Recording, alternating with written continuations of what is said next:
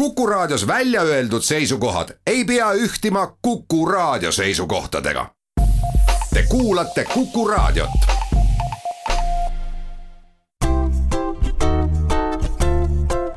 patsiendiminutid, Patsiendiminutid toob teieni Eesti Patsientide Liit. tere, head Kuku kuulajad alates juulikuust saab iga Tartu Ülikooli Kliinikumis ravil olnud patsient teavitada haigla juhtkonda inimese ohutust puudutavatest juhtumitest, mida siis haiglas on märgatud või kogetud. kuidas aga aru saada, millest võiks kindlasti teada anda ja mis sellest infost edasi saab, sellest räägime täna Tartu Ülikooli Kliinikumi õenduse ja patsiendikogemuse juhi Ilona Pastarusega, tervist! tere! No kaebusi ja kiitusi oma ravi kohta sai ju kirjutada kliinikumis varem ka. aga mille poolest nüüd see uus võimalus tagasisidet anda varasemast erineb, miks sellist muutust vaja oli? Patsiendi ohutus on meie jaoks väga oluline, samamoodi ka patsient peaks sellesse hõivatud olema. ja patsiendi ohutust puudutavad juhtumid ei ole ei kiituste ega, ega kaebuste valdkonda kuuluvad, sestap tahtsime eraldi sellist kanalit patsientide jaoks. mis asi see patsiendi ohutus üldse on, tundub ju, et see on elementaarne, et patsient peaks olema kaitstud, kui teda ravitakse et lühidalt oma sõnadega kokku võttes on siis nõnda, et me ei soovi, et tervishoiusüsteem, mis peaks meie patsiente aitama, neid kahjustaks et selle võib lühidalt patsiendi ohutuseks nimetada. kuidas tervishoiusüsteem patsienti kahjustada võib? meil on erinevaid äh, situatsioone, eriti erakorralises meditsiinis, puudutab intensiivravi, erakorralist äh, meditsiini, ka operatsioonitubade tööd, kus just äh, ettearvamatud juhtumid võivad tekitada olukorra, kus, kus patsient ohtu satub. et rutiini puudumine on üks põhjustest, miks, miks patsiendi tervis võib ohtu sattuda Äh, lisaks igapäevane probleem võib olla kukkumisoht ja see ei puuduta ainult eakaid ja hapraid äh, inimesi, vaid, äh, vaid ka noored terved, noh, noored terved, kes on narkoosi ravimite mõju all, võivad oma võimeid üle hinnata, näiteks kukkuda. ja kukkumiste ohuga me tegeleme kliinikumis ka, ka päris palju seetõttu. Kuidas seda kukkumise ohtu vähendada saaks, kas tuleks patsienti harida, kuidas käia või, või saab ta kasutada abivahendeid või kuidas see käib? enamasti, kui patsient äh, osakonda satub, siis hinnatakse ka konkreetse patsiendi kukkumisoht ära ja kui on selge, et patsiendil on kukkumisoht kõrge, äh, siis, äh, siis kindlasti antakse abivahendid, räägitakse, kuidas kutsuda abi ja nii edasi. aga põhimõtteliselt selliseid abi kutsumise võimalusi pakutakse kõikidele patsientidele. et nooremad kasutavad seda palju, palju aktiivsemalt, samas eakad on pisut sellise suhtumisega, et nad ei taha segada. Ja, ja nende puhul ongi väga tähtis üle korrata, et me oleme selle jaoks, et neid inimesi aidata ja, ja pigem kukkumisi ennetada ja, ja varakult appi minna, kui, kui tagajärgedega tegeleda nüüd, kui see uus vorm on loodud, seda saab siis teha kliinikumi kodulehel, seda tagasisidet anda. kas see on ka kaebuste hulka või selliste tagasiside andmiste hulka kasvatanud, kui palju seda uut võimalust kasutatakse?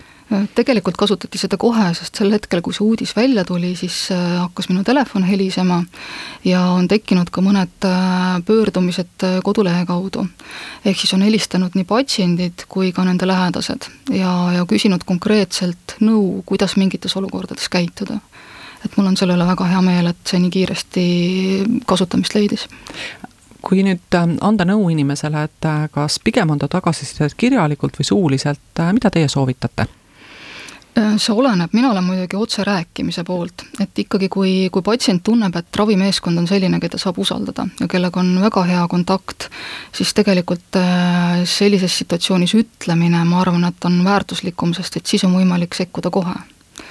Äh, kui patsient tunneb ennast ebakindlamalt ja, ja võib-olla tal ei ole nii head kontakti oma ravimeeskonnaga, siis igal juhul kirjutamine on hea, sest et see on neutraalsem ja patsiendil on võimalik ka see situatsioon ilma emotsioonideta näiteks läbi mõelda kas on tulnud ka mõni tõesti selline tagasiside, mis on juhtkonda juba päris kõvasti aidanud, kus on niisugused ettepanekud, et võta ainult ja vii ellu? jaa, tegelikult on, et kuna ma näen kõiki tagasiside äh, vorme ja, ja pöördumisi, siis konkreetselt ühe äh, kliiniku kohta oli patsient nõnda hästi kirjutanud äh, seitsmepunktilise ettepanekute programmi, et, et seal ei olnudki millegi üle mõelda, vaid, vaid seesama patsiendi vaade, mis sealjuures oli, näitas, kui elegantselt võib saab mingeid probleeme lahendada hoopis patsiendi vaatest. aga milline see probleem oli, mida siis seal lahati? see oli ühe lapsevanema kogemus siis ühest, ühest osakonnast, et alates toidukordade pikkusest ja, ja lõpetades siis lapsega koju minekuni. et kuidas tema nägemuses oleksid võinud asjad nõnda olla, et, et oleks ennast kogu selle teekonna jooksul tundnud äh, turvaliselt ja kindlalt mis seal näiteks äh, oli sellist, mille peale sai kohe öelda, ahaa, et täitsa huvitav ja selle võiks kohe kasutusele võtta, kui on nüüd midagi meeles praegu? no me tegelikult kohe algatasime ka selle, et, et patsientide toiduajad ei ole meie patsientidele ja ka osakonna töötajatele alati kõige sobivamad ja me võtsime siis selle kogu kliinikumi raames ette, ehk siis see toidukorrad, mis, mis patsientidel on, et need oleksid äh, inimlikemal aegadel et ei jääks nii suuri vahesid sisse näiteks õhtusöögi, hommikusöögi vahel ja samamoodi ka selle toidukorra kestus. ja, ja kogu see muu pool sealjuures, et, et see tegelikult oli sellise suurema protsessi algataja kohe mis veel on sellised mured, millega patsiendid rahul ei ole, mille üle veel kurdetakse? no ma arvan, et kõige rohkem arusaamatusi tekitab ikkagi suhtlemine, et see on nii patsiendi ja ravimeeskonna vahel kui ravimeeskonna liikmete endi vahel võivad suhtlemisprobleemid olla ja ma arvan, et see on väga paljude hädade põhjuseks no samas me ju teame, et ähm, kui arste ja õdesid ei jagu, siis see tähendab, et ühestki töötajast ju loobuda ka ei saa. mida siis ette võtta üldse annab, äh, kui meedik näiteks äh, suhelda ei oska? Äh, me teeme hea meelega meeskonnatöö koolitusi ja meil on olemas ka võimalus õppida suhtlemist et õendustöötajate seas on see väga levinud ja selliseid kursusi tehakse hea meelega ja tegelikult on ka arstidel täiendusõpe täiesti olemas, et kaasa arvatud ka see, kuidas rasket uudist teatada ja kogu see suhtlemise õpetamise võimalus on täiesti olemas. mis see tähendab, see raske uudise teatamine, kas see on siis midagi, et arst on eksinud või?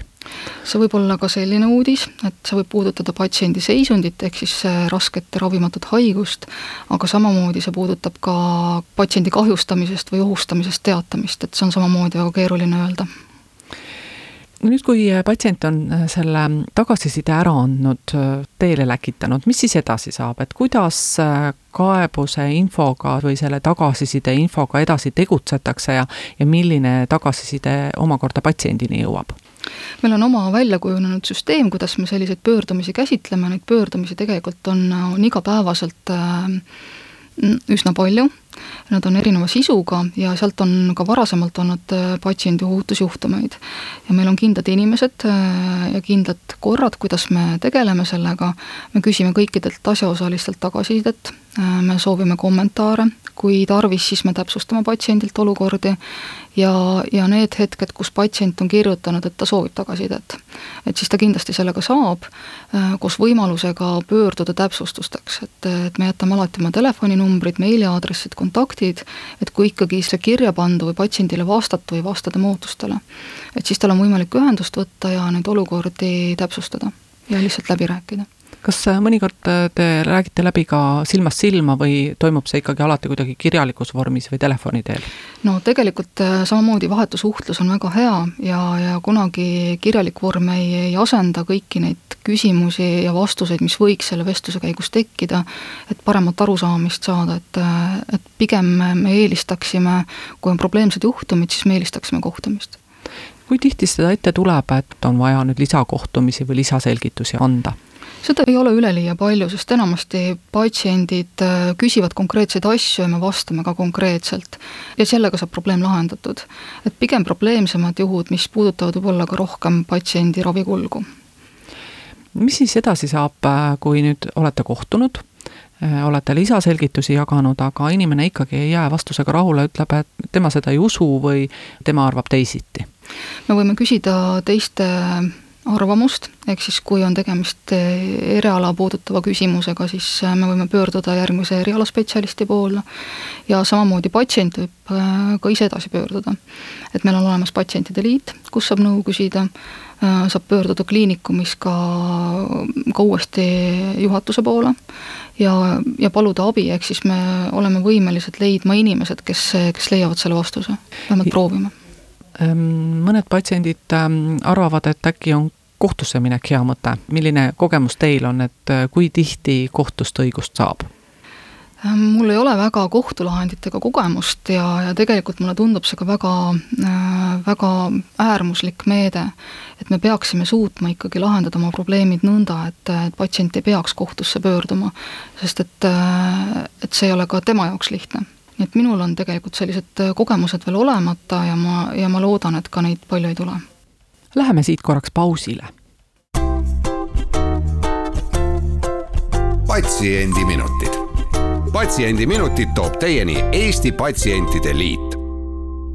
stuudios on Kliinikumi juhatuse liige Ilona Pastarus ja mina olen Kadri Tammepuu. saate esimeses pooles rääkisime me tagasiside jagamisest oma ravimise kohta haigla juhtkonnale jõudsime sinna, et kõige parem on omavahel rääkida. ja, ja nagu ma aru sain, siis väga tihti no ütleme, suhtlemise puhul on alati kaks osapoolt, kas üks ei räägi piisavalt selgelt või teine ei mõista piisavalt äh, hästi, mida talle on öeldud, aga harva tuleb ette ka, kus äh, ka tegelikult on tehtud äh, ravimise käigus mõni viga. mis siis saab, kui see raviviga tehtud on? ühelt poolt te ütlete, et peaks olema inimesega avatud aga samas seadus ütleb, et äh, kui viga on tuvastatud, veel enam, kui meedik ise seda tunnistab, siis on võimalik äh, ka haiglat või meedikut karistada. kuidas haigla nõukogu sellisele ennast kahjustavale tegevusele vaatab, kui, kui te nüüd ütlete, et tulge ja rääkige meile ja meie vastame teile ausalt? Mm -hmm. ravivigade jaoks on meil ka eraldi süsteemid olemas ja, ja neid arstid ka registreerivad ja, ja tegelikult on ju nõnda, kui me oleme patsienti kahjustanud, siis meil on äh, kohustus olla patsiendi suhtes aus, jagada selgitusi ja, ja kui tõepoolest on meie poolt, on, äh, on viga olnud, siis ka vabandada. et ma arvan, et äh, olenemata sellist, kuidas see võib mõjuda haigla mainele, siis pigem selline aus äh, tunnistamine ja, ja patsiendi ees äh, vabandamine võiks olla esmane, mille, mis oleks meie kohustus järjest enam tegelikult räägivad erinevad haiglajuhid, äh, nüüd siin ka Pärnu haigla või Põhja-Eesti Regionaalhaigla, et äh, patsiendi ohutusele tuleb rohkem tähelepanu pöörata, kas see on selline uus moevool meditsiinis? ma loodan, et see ei ole moevool, sest et tegelikult aastal kaks tuhat kolm alustasin juba loengute seeriaga, mis puudutas äh, siis küll meditsiinilisi vigu. ja siis oli selline täiesti ootamatu, kõigi jaoks võõras teema ja praegu on äh, aastaid läinud äh, mööda päris palju ja see teema on isegi mitte muutunud moevooluks, vaid osaks meie tööst et kui, kui patsiendiohutuse teemadel rääkida, siis, siis see on väga omane meile, sest et paljud tõendusabi kvaliteedi indikaatorid näiteks on seotud patsiendiohutusjuhtumitega, et olgu selleks lamatised või kukkumised või või veinikanüülidest tingitud äh, kahjustused. et see on, on muutunud osaks meie tööst, nii et äh, ma loodan, et see ei ole moevool, mis möödub, vaid see lihtsalt jääbki meiega sellisel loomulikul moel ja ilmselt ka inimestel siis tekib selline teatud harjumus rohkem oma tervisest või ka nendest asjadest rääkida, mis ei ole läinud nii, nagu nad on oodanud täpselt. et, et patsiendid ei peaks kartma seda, et kui nad kahtlevad kuidagi milleski, mis, mis on nende ravi jooksul toimunud, et nad ei peaks kartma sellest rääkida ja patsiendiohutuse teemasse patsientide kaasamine tähendaks tegelikult ka seda, mis me ootame, et see oleks patsiendi osalus oma raviprotsessis või oma, oma tervise eest hoolitsemises samamoodi. et on samamoodi partner meie tervishoiusüsteemis, et ei ole lihtsalt passiivne teenuse saaja. Et tema on see, kes, kes samamoodi oma tervise eest äh, vastutust võtab, et see on minu meelest hästi oluline miks see oluline on või kas on uuritud, et äh, mis see annab, kui patsient ise on aktiivne ja ise osaleb ja saab aru, mida temaga tehakse või mida see tablett äh, tema tervise jaoks annab?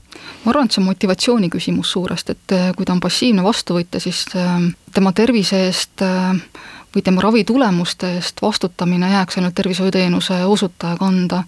kui ta ise on selles aktiivne osaleja, siis, siis ka tema vastutab selle eest ja ma arvan, et on rohkem motiveeritud enda jaoks tegema inimesed mõnikord räägivad meditsiinis toimivast ringkaitsest, aga meedikud kutsuvad seda omavahel kollegiaalsuseks. kuidas teie eristate ringkaitset ja kollegiaalsust, mis vahe neil on? kui tegemist on patsiendi ohutust äh, Mm, mõjutava juhtumiga, siis tegelikult seal ei saa tekkida olukorda, kus tõepoolest juhtum on olemas ja kolleegid selle maha vaikivad. et seal on ikkagi, kindlasti kolleegid omavahel arutavad selliseid juhtumeid.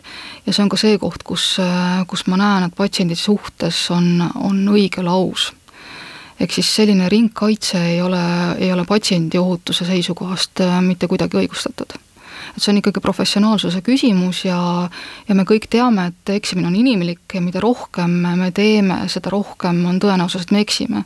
aga see on üks tervishoiusüsteemi riskidest ja ma arvan, et, et oma tegude eest vastutamine, aus olemine on, on õige käitumine patsiendi suhtes mõnikord oleme kuulnud seda ka, et patsient ütleb, et ma praegu ikkagi ei räägi sellest, mis mind vaevab, sest mine tea, kuidas minusse pärast seda, kui ma kaeban, suhtuma hakatakse. millal on õige aeg nendest asjadest, millega inimene rahul ei ole haiglas, nendest rääkida, kas siis, kui asi juhtub või pärast ravi lõppu? Et see on suuresti patsiendi tunnetuse küsimus, et äh, samamoodi see on ravimeeskonna usaldamise teema, kui talle ikkagi tundub, et, äh, et ta kardab teatada sel hetkel erinevatel põhjustel või ta arvab, et, äh, et temasse hakatakse suhtuma kuidagi teisiti, siis on patsiendil võib-olla mõistlik, mõistlik on isegi vale öelda, et patsient võiks sellest teatada siis hiljem kui ta on ravi lõpetanud või kui ta on haiglast lahkunud, aga kindlasti ei tohi sellest teatamata jätta. teada tuleb kindlasti siis, kui patsient märkab, et see, mis toimub, on kuidagi kas kedagi ohtu seav, kas teda ennast või mõnda lähedast, või see kuidagi kedagi kahjustab, siis sellisel hetkel tõepoolest oleks õige otsekohe seda öelda ja tõenäoliselt ravimeeskond võtab selle, selle info ka, ka tänuga vastu no näiteks äh, tooge mõni näide, millal kindlasti võiks nüüd kohe rääkida ja mitte oodata nädal või kaks, et, äh, et mis minuga juhtus ja siis sellest teada anda? kuna mina olen intensiivraviõde, siis steriilsuse teema on minu jaoks väga oluline, et näiteks kui patsient näeb, et kirurg, kes ma ei tea, temal sidumist teeb või mingit protseduuri teeb, et näiteks tal kinnas on katki et siis ei ole, ei ole mõistlik äh, sellest vaikimata jätta või kui näiteks meil on kätehügieeni teema on äärmiselt oluline ja kui ikkagi patsient märkab, et mingid töötajad selle vastu pidevalt eksivad, pannes siis ka teisi patsiente ohtu, siis see on kindlasti koht, kus tuleks seda kohe öelda. Või näiteks, kui ähm, keegi palatikaaslane ärkab koomast ja on võib-olla agressiivne või käitub natuke ebaadekvaatselt, vist ilmselt ka ei maksa oodata, millal tal see hoog üle läheb. absoluutselt, samamoodi see on abi kutsumise küsimus, et, et ka sellest teavitada Teie olete ka haiglas ju pikki aastaid juba töötanud ja tööprotsessid on teada, aga kui tihti siiski ette tuleb, et mõni laekunud tagasiside täitsa üllatab, et poleks arvanudki, et haiglas töö niimoodi käib? ma ei ole päris sellist vapustavat üllatust veel kogenud siiamaani, aga ma loodan, et see meeldivas mõttes juhtub, nii et selliseid huvitavaid pöördumisi on, on olnud, aga täiesti enneolematut mul veel ei ole Äh, võib-olla keda ei märgata nii palju, on näiteks meie toitlustusteenistus ja kokad. meie kokad on saanud tunnustust väga maitsva vegetaarse toidu valmistamise eest. mina ise olen ka vegetaarlane, et selles mõttes mulle meeldiks ka väga selline selline maitseelamus ja teiseks, et neid on küll palju märgatud, aga ma märkaksin ka, ehk siis meie vaktsineerimismeeskond, mis töötab täiesti suurepäraselt. Te mõtlete neid, kes seal A Le Coqi spordihallis töötavad? Need, kes need? on A Le Coqis töötanud ja need, kes ka kliinikumis vaktsineerimisega tegelevad riskipatsientidega, et nad kõik on saanud praktiliselt igapäevaselt väga palju tunnustust. jaa, ma olen ise ka vaktsineerinud ennast A Le Coqi spordihallis ja seal käis küll nagu lepsereega suurepärane, aitäh! Aitäh teile! ja suur aitäh ka kuulajatele, meil oli külas täna Tartu Ülikooli Kliinikumi juhatuse liige Ilona Pastarus, rääkisime ohutumast tervishoiust ja mina olin Kadri Tammepuu, oleme taas eetris nädala pärast ja seniks püsigem terved. patsiendiminutid. patsiendiminutid toob teieni Eesti Patsientide Liit